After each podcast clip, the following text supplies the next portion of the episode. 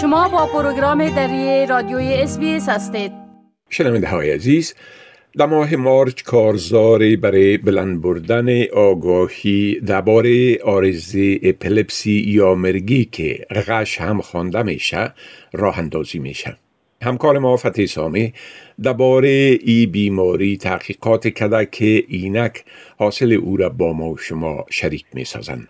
آقای سامی با عرض سلام خب اولتر از همه اگر لطف کنین و بگوین که متخصصین چی میگن که مرگی چی نوع بیماری است و چرا شخص در طول زندگی خود ممکن با ای بیماری مصاب شود.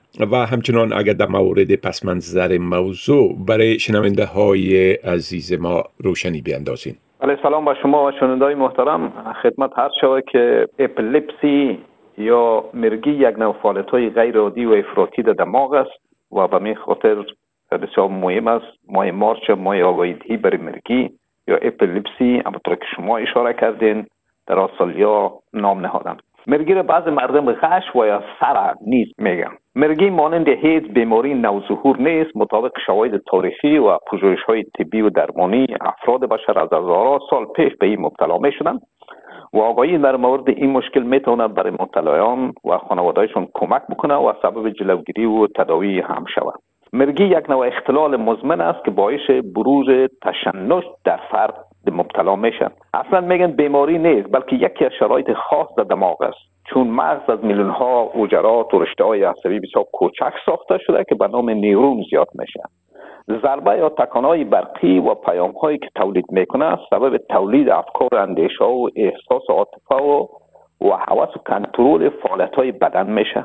تقریبا از هر ده نفر یک نفر در طول زندگی خودی را تجربه می‌کنن اگر یک بار اتفاق بیفته مرگی نیست. بر اساس تحقیقات دانشمندان و متخصصین دستگاه عصبی و مغز تشنج معمولا در نتیجه فعالیت های بسیار زیاد و ناگانی نیرون ها و یا رشته عصبی مثل یک طوفان برقی و الکتریکی در دماغ رخ میته و به دو قسم اتفاق میفته در نوع اول ازی کاملا فرد در اصل زی بیهوش میشه. بدنش دچار لرزه میگرده از محیط و پیرامون خود ناگاه و بیخبر میشه. کف و بزاق از دهنش خارج میشه زبانش لکنت پیدا می‌کنه کلمات از گونه و بیمفهوم از دانش خارج میشه. و این حالت در روستاها و مناطق دهات ناگاهانه به نام جنزدگی یاد می‌کنن که این هم جز خرافات است و در بین هنگوشت های دستش پنسل یا چوب میمونن که جنش بیرو بکشد. در این نوع تشنج ممکن شخص از چند ثانیه تا چند ساعت دچار حمله باشد.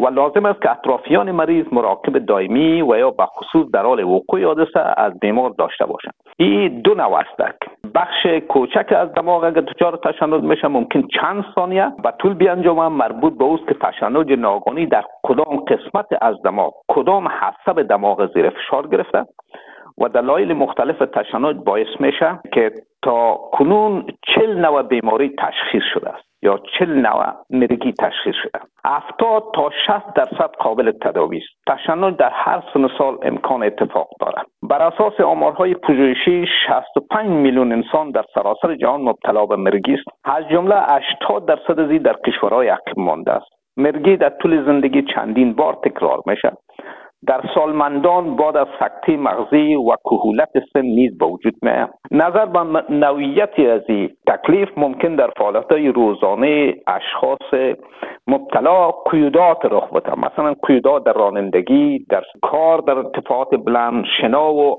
آبازی در اوضاع که باید خطر زیره قبلا در نظر داشته باشند. بله. خب دانشمندا میگه که در وقت ابتلا به مرگی یا اپلپسی یا کمی قبل از او بعضی علائم و نشانه های ظاهر میشه. اگر لطفا درباره این علائم و نشانه ها معلومات بتین لطفا. و همچنان اگر بگوین که آیا مرگی قابل تداوی است تا حدی که ما اطلاع دارم میگن که تداوی کامل برش وجود نداره. بله؟ خدمت هر شود که در زمانی که اتفاق مفته احساس ترس تفکر فرق میگونه آگاهی و شوری در طوری که عرض کردم از محیط از دست میته روش و برخوردش فرق می‌کنه. حرکاتش تغییر میده. در حرکات فیزیکیش و مرگی از یک ثانیه تا دو یا سه دقیقه ادامه. بعدا کمتر از دو دقیقه ادامه پیدا می‌کنن. ممکن هر کس به حمله و تشنج مبتلا شد اما مرگی نیست. و این هم باز اوقات به نام اید دیپندنت مربوط سن میشه. اگر کسی بدون دارو برای ده سال از حمله خارج باشه که یعنی همیشه منظم دوای خودم می‌گیره برای پنج سال خورده باشه و مشکل حل شده باشه دیگه مبتلا نمیشه.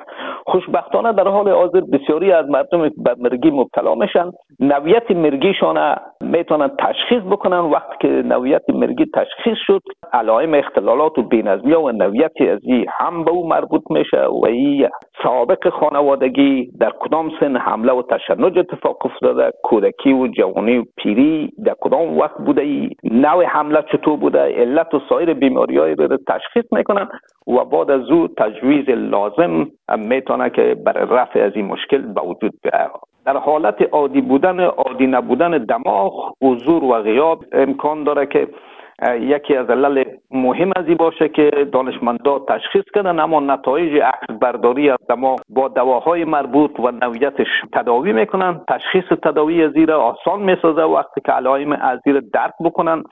که آیا ارسیس و یا حساسیت از در مقابل چیزی. بعض کسا در مقابل روشنی حساسیت داره امکان داره که دفتا به این حالت رخ بده اما دوام نکنه و تشنجش بسیار آنی باشه و پس رفع شود. به این خاطر است که متخصصین طبی بعد از تحقیقات لازم می‌تونه که درست تجویز بکنن. بله خب مبتلایان و یا خانواده های افراد دارای سابقه مرگی. از چی جای می‌تونن که معلومات بیشتر به دست بیارن او یک نهاد است به نام Epilepsy Action Australia شماره تلفن داره و این شمارهش 1300 37 45 37 است و همچنان در وبسایت مربوطش به نام www.epilepsy.org.au مراجعه بکنن و می‌تونه که در این راستا هر نوع معلومات لازم را که خواسته باشن به دست بیارن. بله خب محترم فتح سامی از این معلوماتتان یک جهان تشکر و فعلا شما را به خدا می سپارم. روزتان خوش. همچنان از شما. خدا حافظ. سلام علیکم. بپسندید شریک سازید و نظر دهید. اسپیس دری را در فیسبوک تعقیب کنید.